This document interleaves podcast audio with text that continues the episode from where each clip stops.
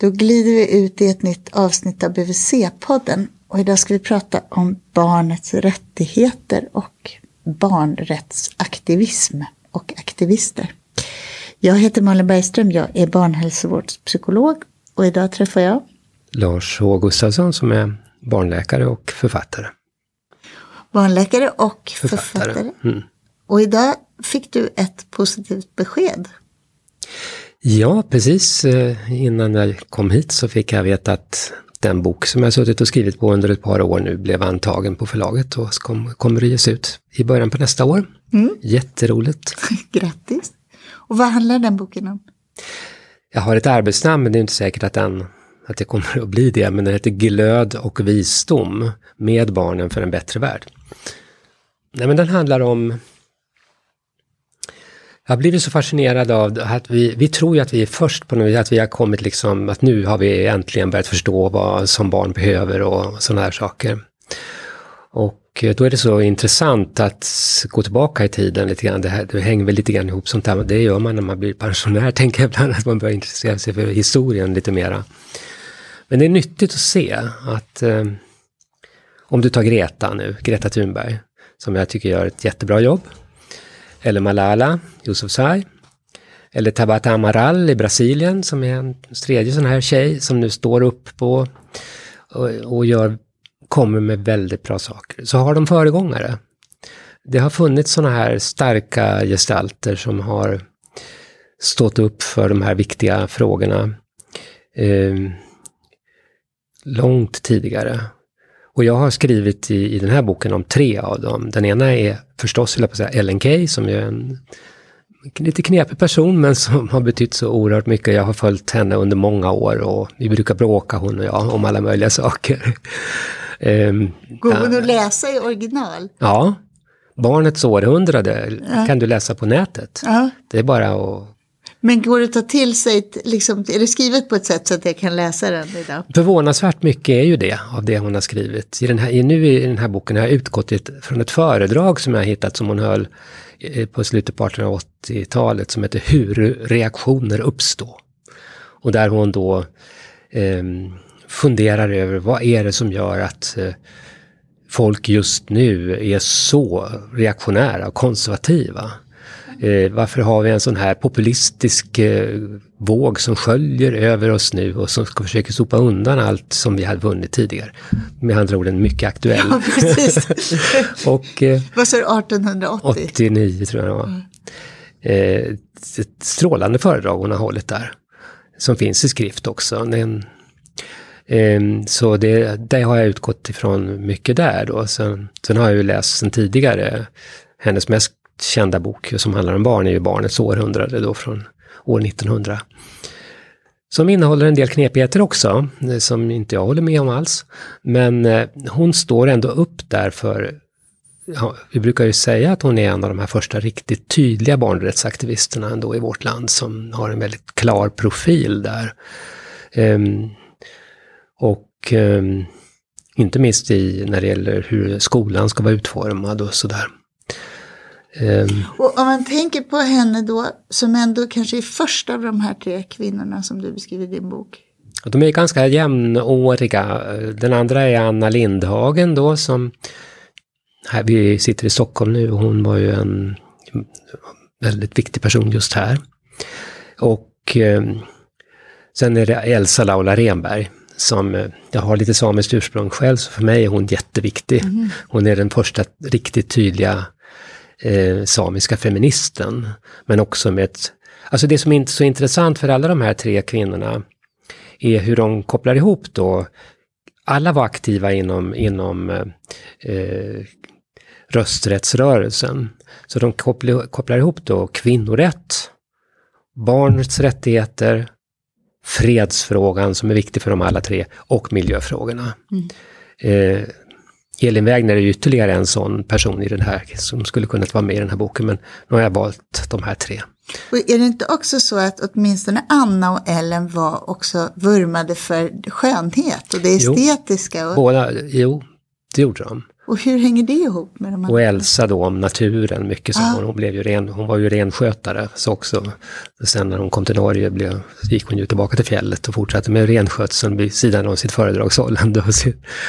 Men, men jo, det, det, det där är också intressant. Anna Lindhagen blev, räknas ju som koloniträdgårdarnas eh, eh, moder här i Sverige. Hon som startade hela den rörelsen. Och ja, vad säger du själv? Alltså, hur, det, jag tycker det här att...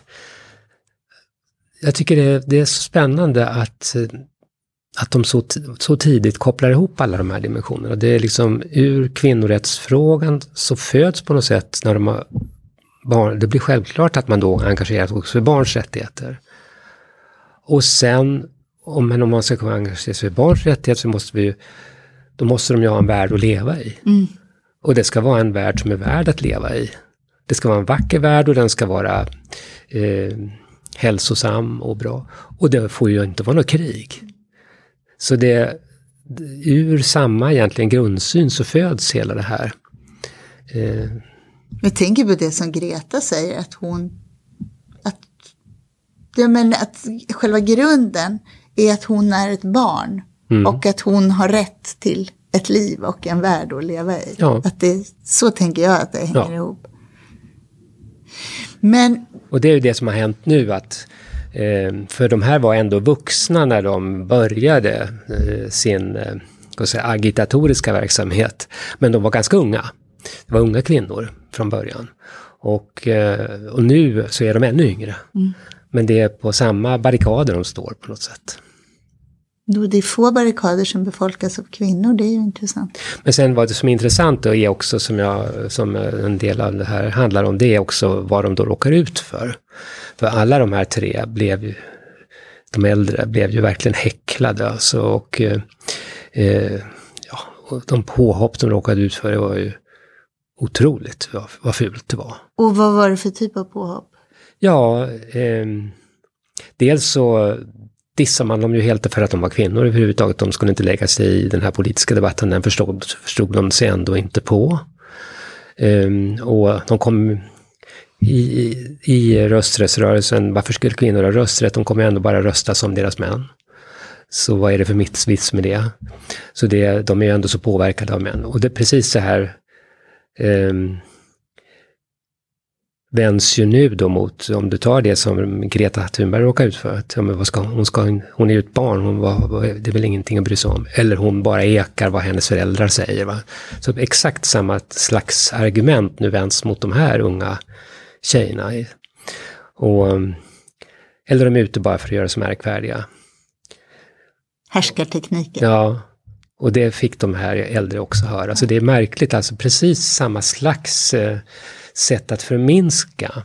Eh, eller också, om du tänker på Greta så säger man att hon är en ikon eller ett fenomen. Att man börjar använda sådana uttryck. Det är ju ett väldigt lömskt sätt att förminska någon. Istället för att, alltså då upprätthåller man sig hela tiden vid de här, pers deras personer. Som man har en massa synpunkter på och tycker en massa om. Alltså. Istället för att lyssna på vad de säger ifrågasätt gärna och diskutera, argumentera, det är det de ber om. Det är det man vill ha. Mm. Men, men istället så faller man då ner och börjar liksom bara tycka en massa om dem som personer. Och det har kvinnor råkat ut för i alla tider och det råkar de här barnen nu som tar sitt ton också ut för på samma sätt. Var det inte ett dilemma eh, att att jobba med kvinnofrågan och barns rättigheter. För att jag tänker på, mm. jag menar om man går till 68 så var ju, eh, alltså där var det ju ändå, där handlade ju kvinnors frigörelse om att barn skulle ha daghem och vara på på dagarna. Och sen har Nina Björk sagt att det där har blivit problematiskt för att ska vi liksom överge barnen eller vi kan inte titta på hur, barn, hur saker påverkar barn därför då är vi kvinnofientliga. Och jag tänker det är inte så helt givet att Nej. kvinnofrågan och barns rättigheter alltid har gått arm i arm. Nej men så är det ju. Och eh, det... Ellen Key råkade ut för samma sak. Hon ansågs ju inte riktigt eh, renlärig bland de, eh, en del andra feministis, feministiska kretsar då. Eh, när hon talade om familjens värde och, eh, eh och, och talade mycket om barn då. Så, så visst, den diskussionen finns ju. Så är det. Vad var det för vad, var, vad hade barn för rättigheter enligt Ellen Key? Vad var, på vad sätt var hon ny med det? Egentligen var hon ju inte ny alls. Va? Det, därför att de här... Hon uppfattades ju som ny då. Eh, och väldigt radikal då. Bara det att hon eh, menade att aga inte skulle få förekomma, absolut inte. Och, eh, eller hennes, min det, det, som, det kapitel i Barnets århundrade som jag tycker är mest spännande, det är det som heter Min drömda skola. Där hon då går till rätta med det här pluggandet och eh, med alltså den här katederundervisningen, det som ju nu ska vara så populär igen, den, den är hon ju väldigt kritisk mot det här, en lärare som står och... För hon menar att eh, vi, vi måste bygga på det som finns hos barnen själva. Och de har mycket kunskapstörst och det gäller att väcka den och ta med barnen på en sån här upptäcktsfärd. Och eh, eh, hon var emot såna här slutskrivningar på eh, inför studenten utan istället skulle sensorn ta med sig barnen på en resa, eller ungdomarna på en resa och diskutera de här, det de hade lärt sig under, under det här. Och då skulle man få veta mycket mer om vad de här ungdomarna kunde än, än på en skrivning. Sånt där på 1800-talets slut så var det lite radikalt. Mm, väldigt radikalt. men, men hon hade ju föregångare därför att och det i eh, den här min bok Relationsrevolutionen som jag skrivit tidigare då så har ju ställt, och det är väl vad den forskningen som vi har idag, i det historiska forskningen visar, är att vi ända sedan förkristen tid har haft olika sätt att tänka kring barn. Vi har haft det här auktoritära spåret ehm, eh, som det där eh, det är de vuxna som vet, det är vuxna som kan och det är vuxna som ska bestämma, vuxna som ska sätta gränser och alltihopa. Bara barn gör som vuxna säger så blir det nog bra tids nog blir de vuxna så får de nog bestämma, men nu är det vi som, ja, hela det där du vet. Det har funnits, vi har en sån auktoritär tradition, men vi har också haft en, en tradition som innebär att barn är återuppståndna förfäder som kommer tillbaka med ännu visare än när de lämnade sist. Um, alltså det här som finns hos många naturfolk. Um, I den samiska traditionen som som jag då är intresserad av, så um, finns det där tänkandet att eh, barn, det nyfödda barnet kommer alltid till sina föräldrar med ett budskap. Och vi vet inte riktigt vilket det är, men den första frågan jag ska ställa mig när jag står med ett nyfött barn i famnen, det är vem är du och vad vill du mig? För du vill mig något särskilt. Och det tar några år innan jag fattar vad just du vill mig. Och om jag ska få reda på det här budskapet av dig så måste jag behandla dig med stor respekt. För annars så, så försvinner det där och då tappar jag det. Och då får jag ju inte den här möjligheten att utvecklas själv. Har du testat det där? Alltså jag, brukar, jag har tänkt rätt mycket kring det. Mina, jag har ju åtta barn. Och jag vet ganska bra nu tror jag. Vilka budskap? Vilka budskap och de är olika allihopa. Oj. Och, men det tog några år innan jag började mm. se vilka de är. Men. Men, det, men bara det sättet att tänka tycker jag är, det är lite finurligt. Om inte annat så kan man säga att hur mystiskt det än är så har det ju skyddat barn från mycket övergrepp mm. och gjort att föräldrar har blivit intresserade av sina barn. Och det här bara att man tror att de har något tillföra någonting som ingen annan har. Jag menar det är ju precis, det där är ju ett sätt att uttrycka precis det som man inom anknytningsteorin mm. vill stärka eh, i ett föräldraskap. Det vill säga att mm. förstå att det lilla barnet har en unik röst och en vilja och en intention. Mm. Även om det ännu inte kan säga något. Nej. Och att försöka lyssna efter det och ja. hjälpa det att komma fram och växa. Det är ju ja. precis det. Och det har alltså funnits sedan eh, ja, årtusenden tillbaka, ja. alltså ett sånt tänkande på sina håll. Um, eller det... om man ser då som, man brukar ju peka på Jesus Kristus och som, som en som tidig barnrättsaktivist också genom det här att eh, vi ska bli som barn för att se himmelriket. Liksom att barn, hans, hans tänkande går ut på att barn har någonting, de har någon slags koppling till det gudomliga på något sätt. Färsk erfarenhet på något vis som gör att, och sen som vi har något att lära oss av, men som vi sen har förlorat. Alltså att tanken är där att det är någonting som har gått förlorat på vägen. Och om vi ska kunna fortsätta utvecklas som vuxna så måste vi på något sätt återerövra det här. Och det kan vi göra genom att vara med barn, för de kan lära oss igen hur det nu var, det vi skulle behöva, som, men som vi glömde på vägen. Det är också ett sånt där sätt att tänka att barnet har faktiskt någonting att tillföra. Så, ja, jag, jag börjar tänka på att, ja men hur, jag tänker på den där balansen som vi har pratat om, hur man... Mm. Att, att det, kan, det blir lite när man drar ut det som att barnet är bara en god. Som bara ska få mylla för att växa. Eller Ja. en, någon som egentligen är inuti är ond som ska inrätta sina regelsystem för att inte löpa amok fullständigt. Nej, och då finns det ju liksom... Det finns ju ett tredje sätt att tänka som man brukar för ända tillbaka till Aristoteles. Det är ju att barn är liksom egentligen ingenting från början, utan de är ett tomt kärl som vi sen ska fylla med någonting bra. Och då lägger man ju väldigt stor vikt vid de vuxnas roll då. Det behöver inte vara att vi liksom uppfostrar dem på något gammaldags auktoritärt sätt, men barnet blir vad vi gör dem till. De står och faller med vilka vuxna de har omkring sig. Så föräldrarna blir jätteviktiga, förskolepersonalen, lärarna. Hårdraget kan man säga att har man tur då, hamnar i en bra familj, intresserade föräldrar, en bra förskola, en bra skola, då blir man bra som... Men har man otur så blir det inte så. Och det är ju eh, då... Då räknar man ju bort på något sätt det här som barnet faktiskt har alldeles själv, som är oberoende av. Och som väl, jag kan ju har blivit så förundrad över ibland när jag har följt barn under lång tid upp i tonåren, vad mycket som kan hända och vilken kraft de plötsligt kan visa som man undrar var kom den ifrån? Det, och hur det i alla fall har gjort mig mycket mer optimistisk med åren. Att när man ser att sådana här barn som man faktiskt har tänkt att det här kommer inte gå bra alltså. De har så dåliga odds. Och så fixar de det. Det är otroligt att se.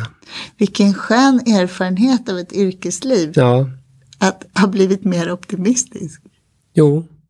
Men det har jag faktiskt blivit. Ja, det låter ju underbart. Du, vad, du, nu har vi pratat lite om Elsa, vi har pratat lite om Ellen, men Anna då?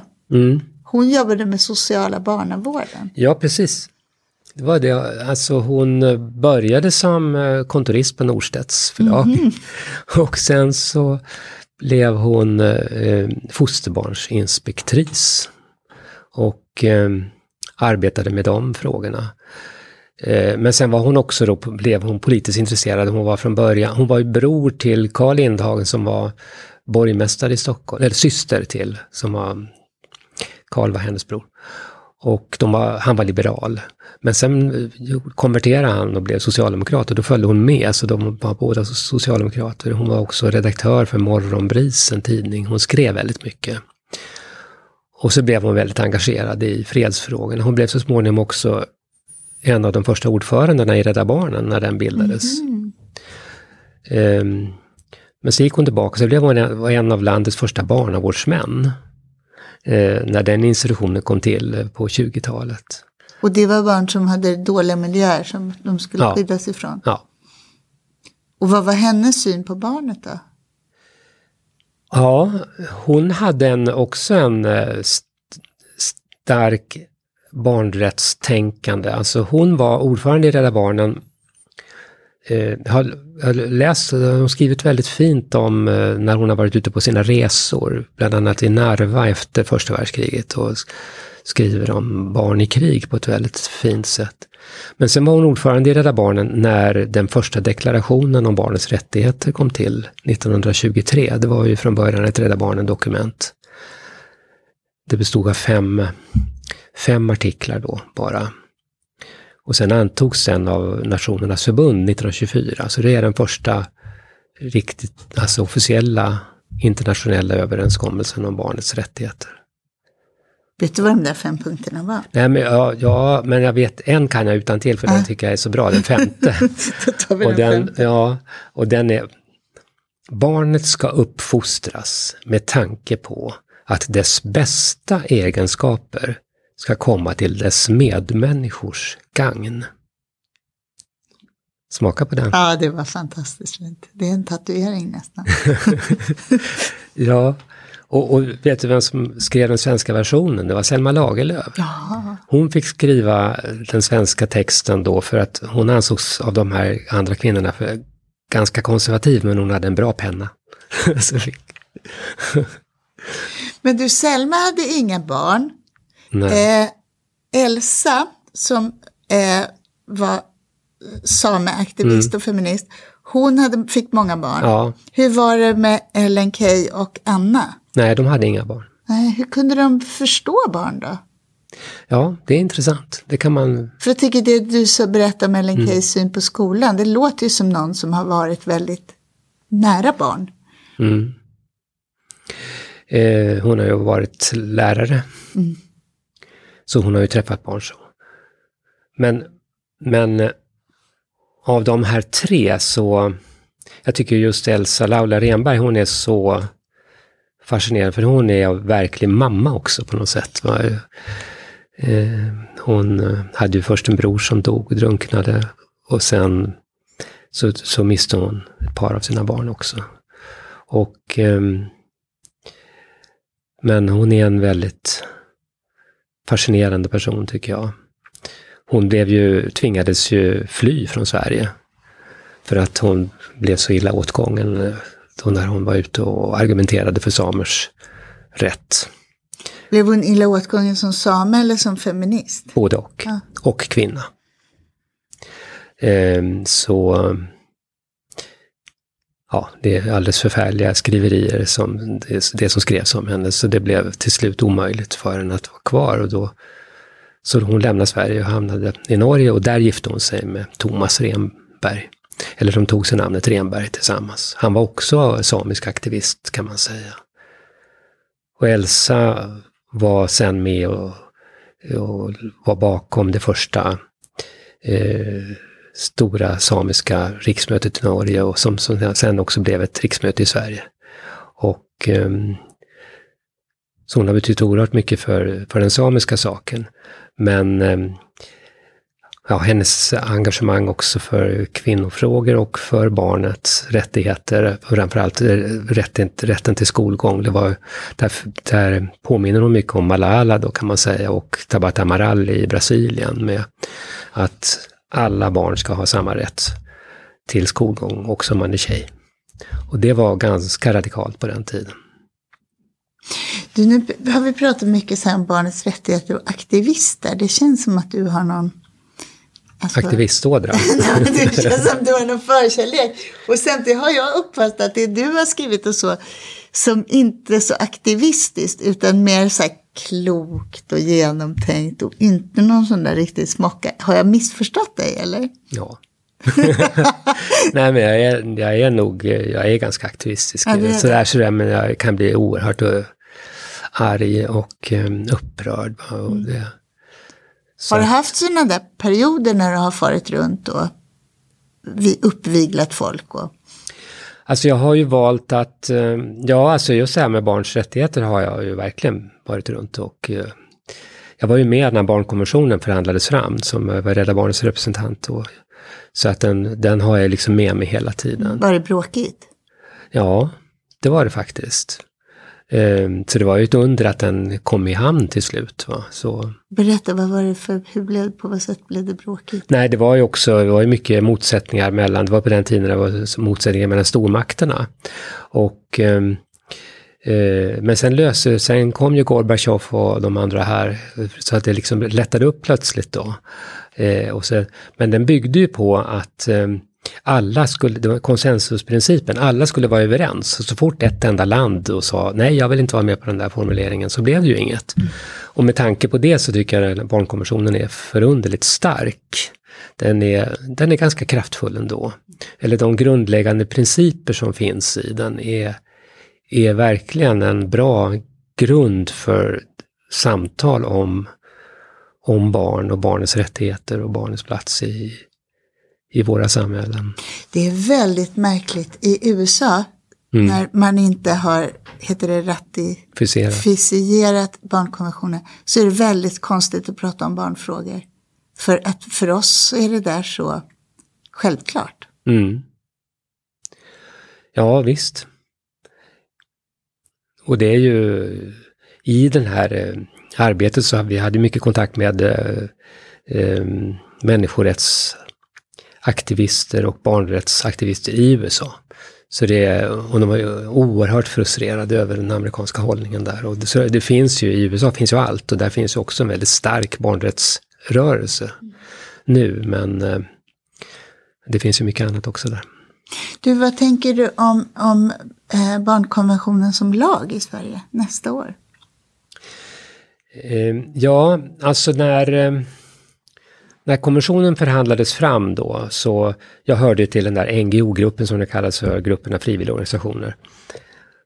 Och vi var ju då inne på att den skulle, borde bli lag överallt, men sen den svenska delegaten där övertygade oss om att den, den modell som Sverige valde var egentligen smartare.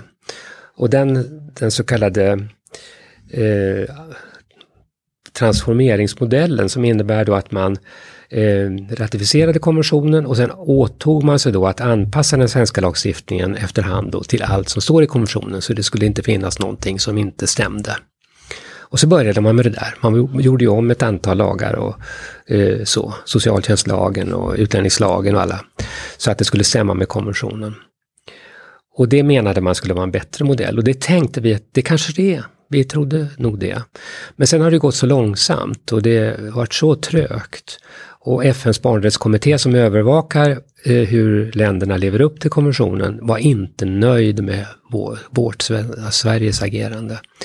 Så i de här rapporterna som kommer vart femte år så har man varje gång kritiserat Sverige att det går för långsamt. Och till slut så tappade man tålamodet och vid den senaste rapporten då så sa man att vi, vi tycker inte ni klarar det här utan vi föreslår nu mycket bestämt att ni faktiskt gör hela konventionen till lag. Alltså det andra sättet då att ta hand om konventionen. Blev, det glad, blev du glad då? Ja, då tänkte vi att det är nog bra. Det här går det har ju inte gått särskilt bra tidigare och eh, den här knuffen behöver vi nog. Samtidigt så finns det ju en risk med detta då, va? och som eh, ja, alltså att man gör det hela, att man ser, ser att kom, man ser bara det här juridiska i konventionen. Ehm, och för nu då ska man kunna använda den i domstol och sådär.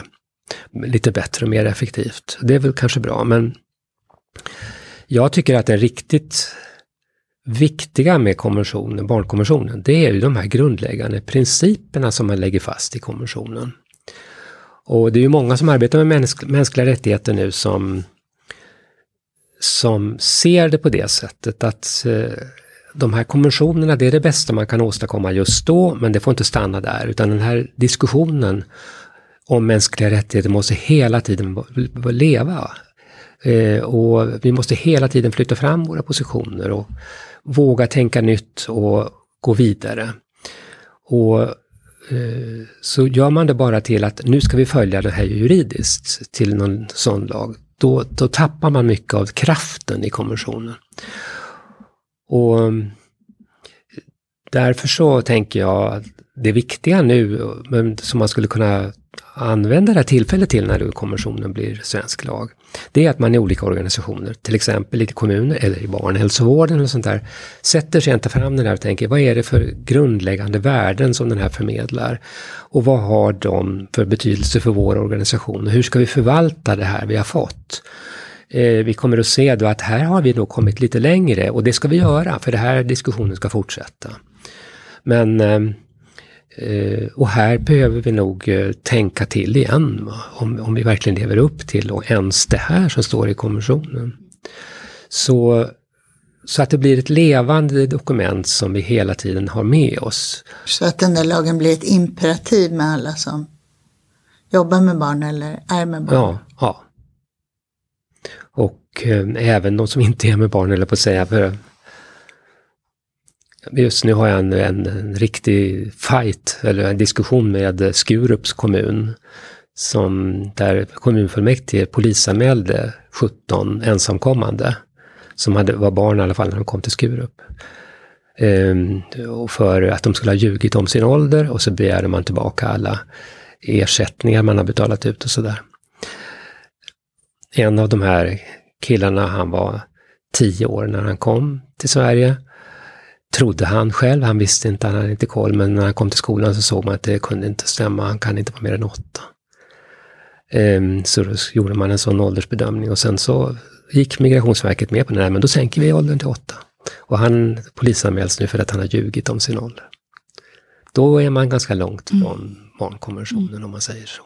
Det är fruktansvärt. Ja. Och sådana där exempel ser vi ju lite nu, här och var. Att det... Och det är då du blir aktivist? Ja, då blir jag aktivist. Mm. Det tycker jag låter... Det låter väl riktigt. ja. Men jag har försökt att jag inte jag har... Jag har aldrig varit medlem av något politiskt parti. Och det har jag ju faktiskt känt som en styrka, även om jag har varit frestad ibland att engagera mig politiskt så. Men, men eh, det behövs också en del som är fria, som man inte kan bara stoppa in i ett fack och säga att jaha, det är därför. Nu men, har du en fight mot Skurups kommun som har polisanmält de här barnen, de här pojkarna. Vad är det för andra frågor som du bråkar om idag? Ja...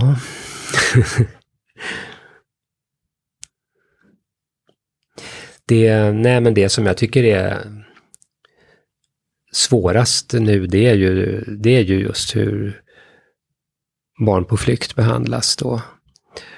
Både internationellt och i, i Sverige. Och att vi tappar det här internationella perspektivet, att vi... vi ehm, jag har ju haft den förmånen att få vara ute och jobba i flera stora flyktingläger internationellt och för Rädda Barnen. Liksom, har man varit där och sett den verkligheten och så blir den här svenska diskussionen så svår att förstå. Att det, att det bara skulle handla om att stänga ute då för att vi ska kunna hantera det hela. Men de här barnen ska ju hanteras och måste ju mötas någonstans. Vi måste ju ta hand om dem. Så det... Men sen tycker jag också att jag har svårt med att se nu hur, eftersom jag nu har jag varit skolläkare, jag, jag slutade min verksamhet, min kliniska bana genom att vara skolläkare på Rosengård i Malmö. Och trivdes fantastiskt bra, det var väldigt roligt att jobba där, men det känns väldigt svårt att se hur den här segregationen och de här klasskillnaderna, skill alltså förhåll, de villkor som barn lever under, hur de hela tiden, hur de här klyftorna ökar. Och att vi inte gör mera åt det, utan vi låter det på något sätt bara ske. Det tycker jag är väldigt svårt att stå ut med.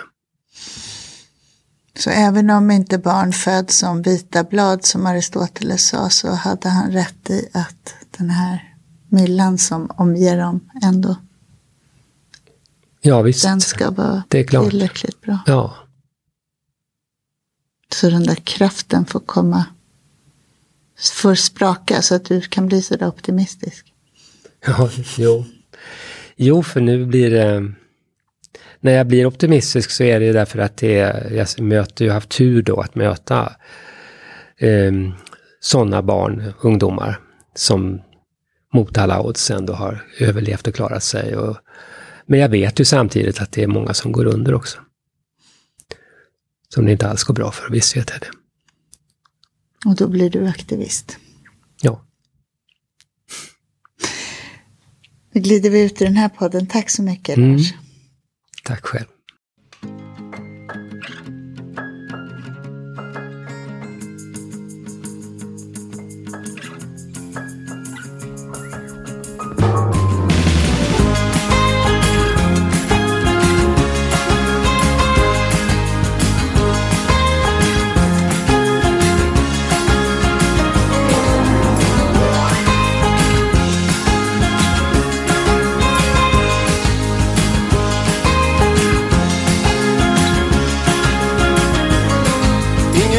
var ni ska gå. Huvudet wobblar som ett drag, men aldrig över ytan så. Ett på djupet neverending slag när era radiostyrda röster ömsint kittlar min fantasi. Flipper spelar sönder impulserna för mitt självbedrägeri. När ni skjuter ut er i natten finns det inget av mig kvar. Alla döda ögonskratten bara vakten minns vem som var. När ni cementerar kvällen är det utan min frenesi. Den ni somnade tunneln vaknar aldrig mer till liv. Ut i natten,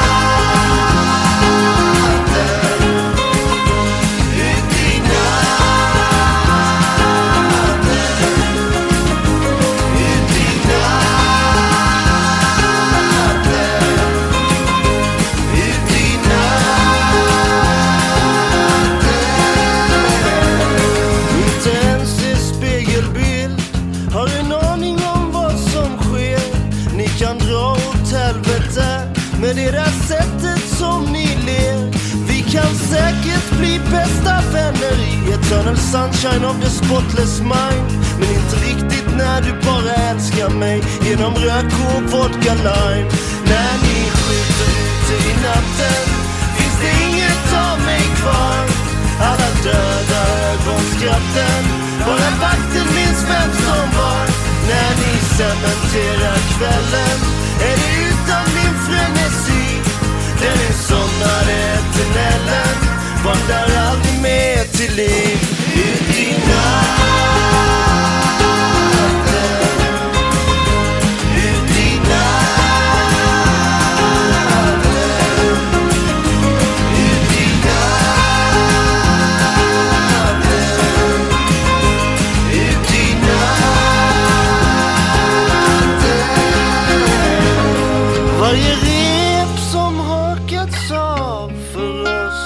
Hängas runt min hals Men jag minns varenda kväll förstås och precis ingenting alls